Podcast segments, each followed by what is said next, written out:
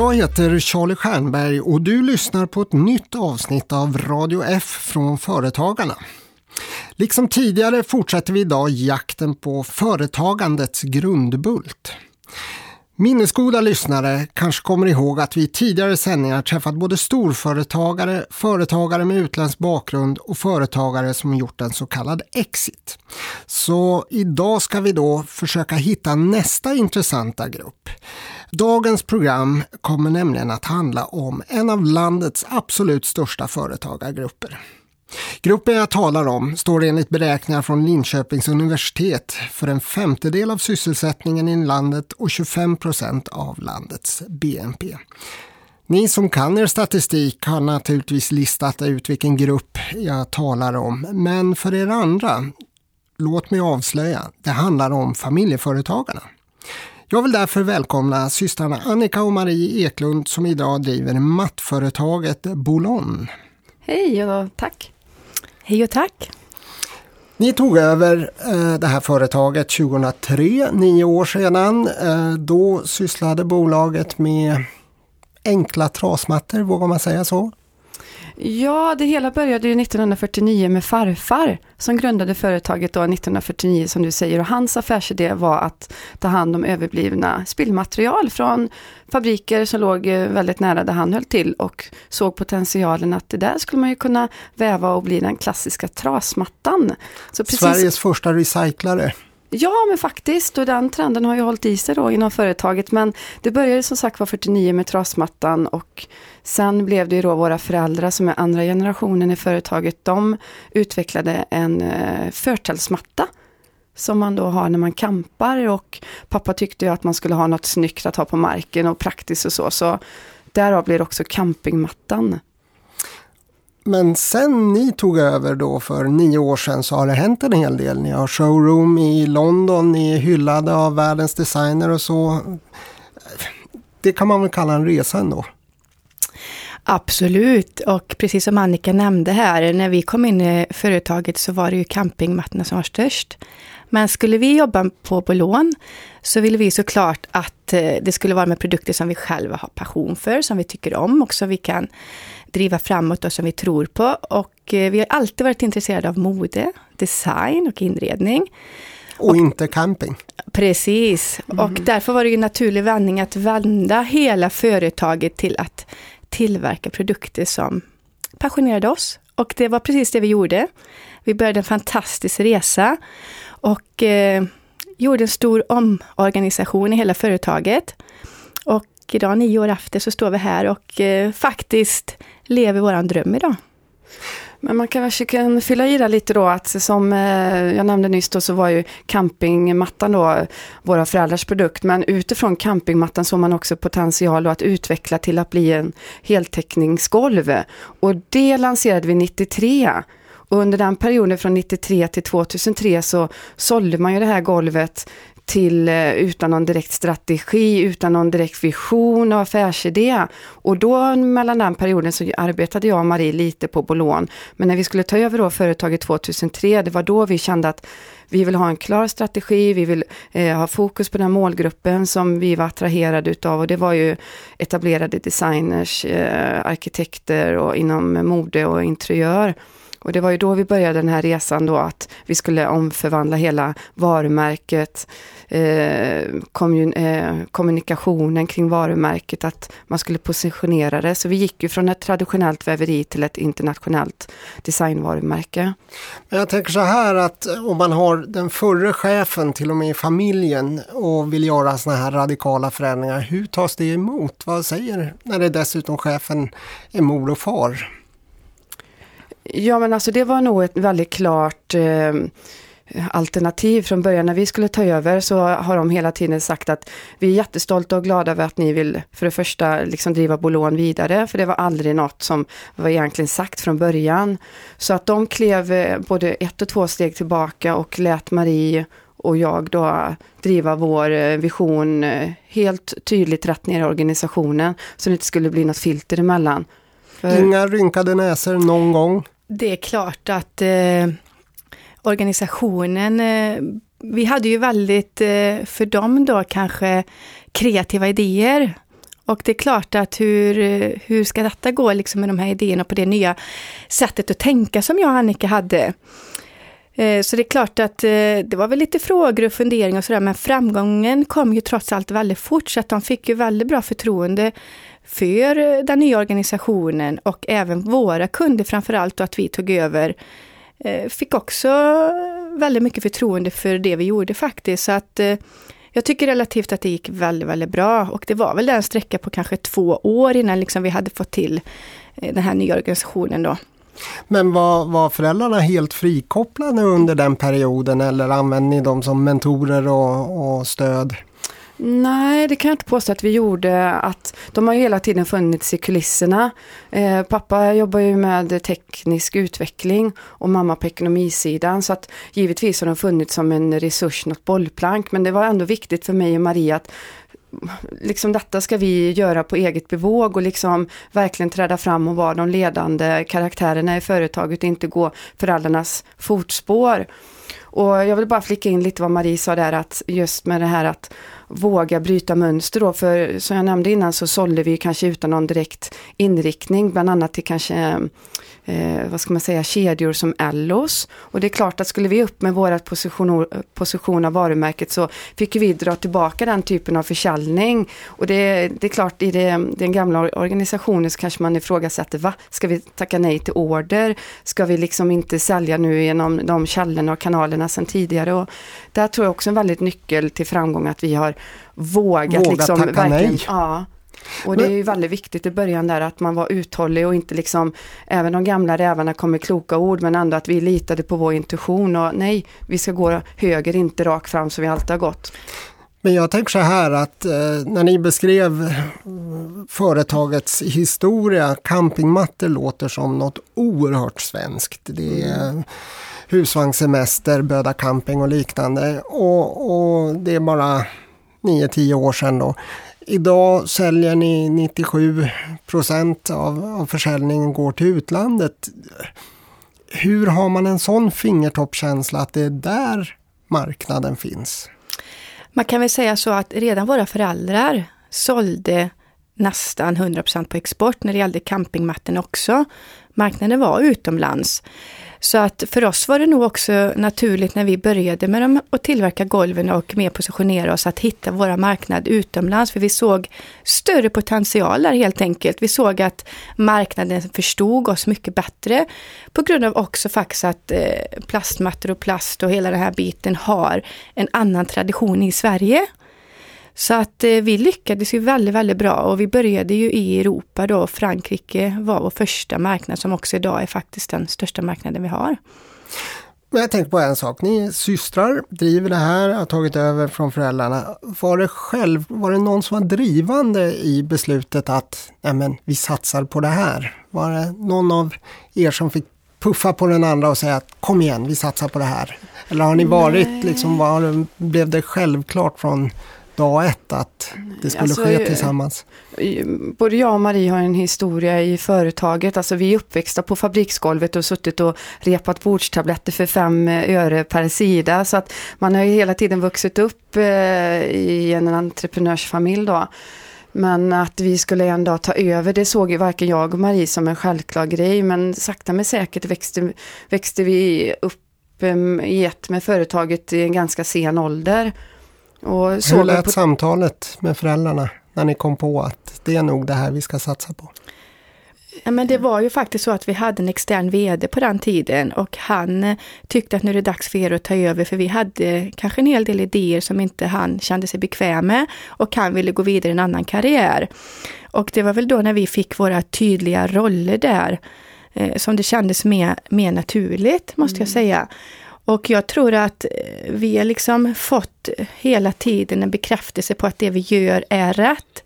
Bland annat då när vi vet att eh, Mr Armani använde våra grejer och det var väl då vi liksom fick den här riktiga inspirationen till att det här är precis eh, det vi vill att göra liksom och vi såg de möjligheterna hela tiden. Det är ju det som mm. har taggat och triggat. Och, ja, det kickade, kickade igång oss ja. den gången när vi fick reda på att att eh, Armani då använder sig av Bologna i sin marknadsföring. Och då tänkte vi så här, kan vi attrahera honom så klart att då ska vi verkligen stretcha vår idé mycket längre och mycket tydligare. Det var ju lite så det började. Mm. Men när jag lyssnar på er så låter det fantastiskt lätt. Ni steker er, eh, er en av de viktigaste försäljningskanalerna, Ellos, och drar ner. Ni, ni får höra talas om George Armani. Men vad, vad är det svåraste med att driva den här typen av verksamhet? Och, och speciellt med fokus på att ni är systrar. För det, det, finns ju ändå något speciellt att driva ett företag i, i familjeform. Men jag, jag tror det, det, svåraste har nog varit att bärga oss. Ja. Det har nog varit, för vi är väldigt kreativa båda två och ser otroligt vi ser bara möjligheter nästan i alltihopa och vi blir så inbjudna till att hela tiden tänka kreativt, vara kreativa och vi blir uppbjudna till dans väldigt ofta. Så jag tror att utmaningen har nog varit att verk, verkligen liksom se vad, vad, är bra långsiktigt och liksom både det korta och det långa perspektivet. Jag tror att det har varit en... När bråkade ni senast? Nej men vi bråkar inte mm. men vi har diskussioner. När hade ni en diskussion ja, senast? Ja, för tio minuter sedan. Så nu ska företaget läggas ner? Nej, Nej tvärtom. När vi pratar och diskuterar så är det bara möjligheter och nya mm. utmaningar och kreativa saker. Det, det, är det liksom som driver oss och det är mm. det som är vår framgång, våra magkänsla, vårat driv, vårat mod. Och liksom man ska alltid bli överraskad och inspirerad av bolån Och det är det som är jätteviktigt. Mm. Men om man tittar på statistiken runt familjeföretag så är det en sak som sticker ut. Eh, de är inte så pigga på att ta hjälp utifrån. Det kan vara finansiering eller plocka in experter i styrelsen och liknande.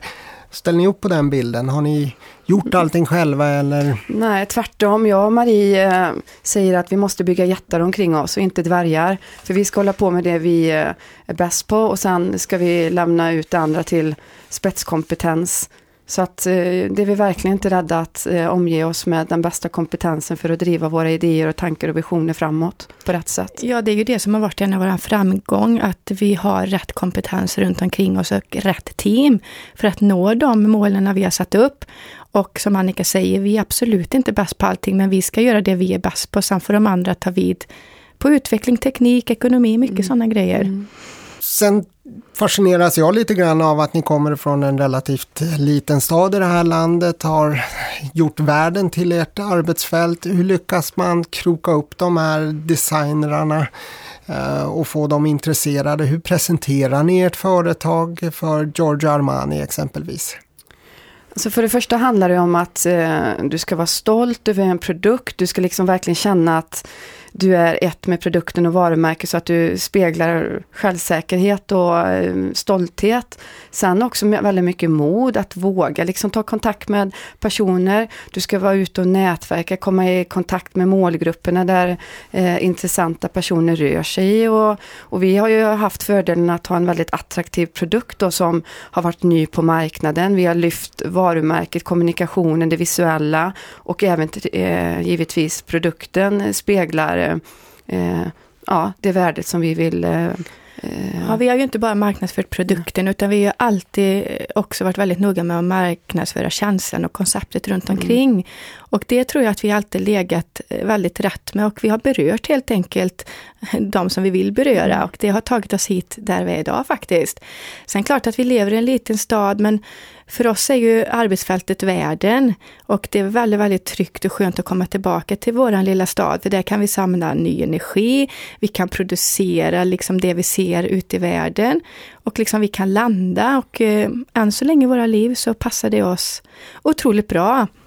Men tror ni att det har spelat någon roll just det faktum att ni tillhör ett familjeägt företag? Alltså är det någonting ni säger i första mötet med en designer att jo, men det här var min farfar som startade det här företaget, det har funnits i mer än 50 år. Mm. Eller går ni in som, som entreprenörer vilka som och Nej, alltså vi går ju in i mötena precis som vi går in här när vi mötte dig idag. Liksom, vi är Annika och Marie och vi är stolta över vårt företag och vi är internationella men ändå från en liten ort. Så jag tror att den kombinationen gör att vi kanske har en ödmjukare framtoning. Vi kanske har personligt bemötande. Eh, det är i alla fall värden som vi värdesätter väldigt mycket utifrån ett familjeperspektiv då att det ska vara fötterna på jorden och, men även om vi pratar internationellt perspektiv då. Jag tror också att det är väldigt, väldigt eh, viktigt och det har en väldigt tyngd att man är tredje generationens företag, att man har en historia det är viktigt idag, att man mm. har någonting bakom sig, att man har liksom kreerat någonting långt långt i förväg. För mm. många företag de dyker ju upp men de försvinner också lika fort för de inte har den här liksom, historien med sig tror jag. Men hur är det nu? Är det så att ni redan börjar titta på vad ska hända i nästa generation? Är det så att eh, eh, barn och sånt dubbas till att eh, här ska ni ta över? Men det, det fina är väl att jag tycker att det finns en möjlighet att de ska få ta över. Vi har ju som sagt var barn då. Och, eh, men alltså det får de välja själva. Det, jag och Marie blev inte uppväxta med att vi en gång skulle ta över företaget och det kanske också just därför att vi gick in också med en väldigt stor drivkraft och glädje i det. Kanske att vi fick välja det själva. Men våra barn blir uppväxta på samma sätt som vi var uppväxta med Bolån och vi pratar Bolån, de är givetvis på företaget och är med eh, i vissa sammanhang och sådär. Så det är jättefint att tänka en fjärde generation men blir det inte så så men, men är det, rör det sig verkligen om ett fritt val? Jag menar, ni själva som du beskrev var uppvuxna på fabriksgolvet. Era barn växer också upp med bolån i eh, blodet och eh, ännu närmare än så. Mm. Kan man verkligen välja om föräldrarna driver ett framgångsrikt företag? Ja, men jag ja. tror absolut det. Och Eh, samtidigt så är det ju väldigt roligt när vi pratar med våra barn, liksom, för att de tycker ju att Annika och jag har ett väldigt intressant arbete. De tycker att det verkar jätteroligt. Och min dotter var senast igår på kontoret och stod inne i mötesrummet och lekte att hon hade möten och skrev på tavlan och allting och vill vara en vecka på Bolån. Så att på något sätt är det något redan nu som lockar dem till det när de pratar. Men sen nästa dag så kan det ju vara något helt annat. Men viktigt är att jag och Annika kommer aldrig tvinga dem till att eh, eh, jobba på Bolån, utan eh, det kommer få vara deras val. Men visst, visst hade det varit jätteroligt. Mm. Men, men om ni båda skulle dela ut eh, två tips vardera. Eh, lyssnare som kanske står i begrepp att ta över ett företag av föräldrarna eller mor och farföräldrarna eller någonting. Vad skulle ni dela ut för tips? Absolut att våga gå på sin egna magkänsla och eh, den eh, möjligheten de ser med familjeföretaget och, och, och eh, budskap till föräldrarna då att låt era barn kliva fram. Okej, det var tips nummer ett. Mm. Då får vi höra tips nummer två. Ja, men tips nummer två är ju absolut att se över produkterna man säljer och att man tror på dem. Det tror jag är jätteviktigt. Är detta produkter som kommer liksom ta oss till de målen man förhoppningsvis har satt upp då? Så produkterna, liksom, håller de kraven vad marknaden vill ha och utvärdera det. Men finns det inte en känslighet i det också? Det är ju att underförstått rata det ens föräldrar har varit väldigt stolta över att sälja. Nej, för man, går ju hela, man lever ju hela tiden framåt i modernare och modernare tid så man måste ju se över vad, hur ser omvärlden ut nu, vad är marknadens behov, vad, vilken målgrupp vill jag attrahera så då måste du ta fram produkter som motsvarar ja, kundens krav och gärna lite till då. Ja, men då har vi fått två tips. Saknar vi två tips? Eh, oj. Eh, ja men alltså ha ekonomi också. Man måste ha ekonomi i sin affär för att hela tiden kunna driva framåt. Så snåla inte på att tänka att eh, marginalerna utan marginalerna måste finnas vid början. Och eh, jag säger då absolut se till att skaffa den bästa kompetensen runt teamet. För det är de som kan ta er till målen och växa. Om man nu önskar det då givetvis. Men teamet runt omkring, jätteviktigt att det funkar och är bra. Alltså våga ta in extern hjälp helt enkelt? Ja, eller liksom vid anställningar att man liksom vågar anställa väldigt kompetenta personer till de uppgifterna det är och kanske inte snåla på de resurserna. Avslutningsvis en fråga som jag har brunnit över att få ställa. Eh, ni är ju experter och experter ska ju uttala sig om det de är bäst på. Vi står här i en studio med ja, en matta som jag skulle beskriva som grå heltäckningsmatta. Hur recenserar ni den? Ja, precis vad du säger. den grå, den eh, textil, skulle lätt kunna vara bolån istället. Skulle bli snyggare och mer personlig känsla här i detta rummet. Och hur borde det se ut i det här rummet istället för en grå heltäckningsmatta? Ja, men kanske lite mer kreativt, lite mer gladare skulle jag nog föreslå. Mm. Men samtidigt liksom grått och svart kan ju också vara snyggt, eh, men eh, vi har ju ändå speciella kvaliteter som inte lever upp, eh, eller som är betydligt bättre än detta som ligger här. Och där fick vi lite sälj från systrarna som driver Bolon. Eh, ja, och med de orden börjar vår sändning närma sig sitt slut. Men innan jag säger hej vill jag slå ett slag för våra tidigare sändningar från Radio F. De hittar du som vanligt på www.företagarna.se eller på iTunes. Jag heter Charlie Stjernberg. Hej!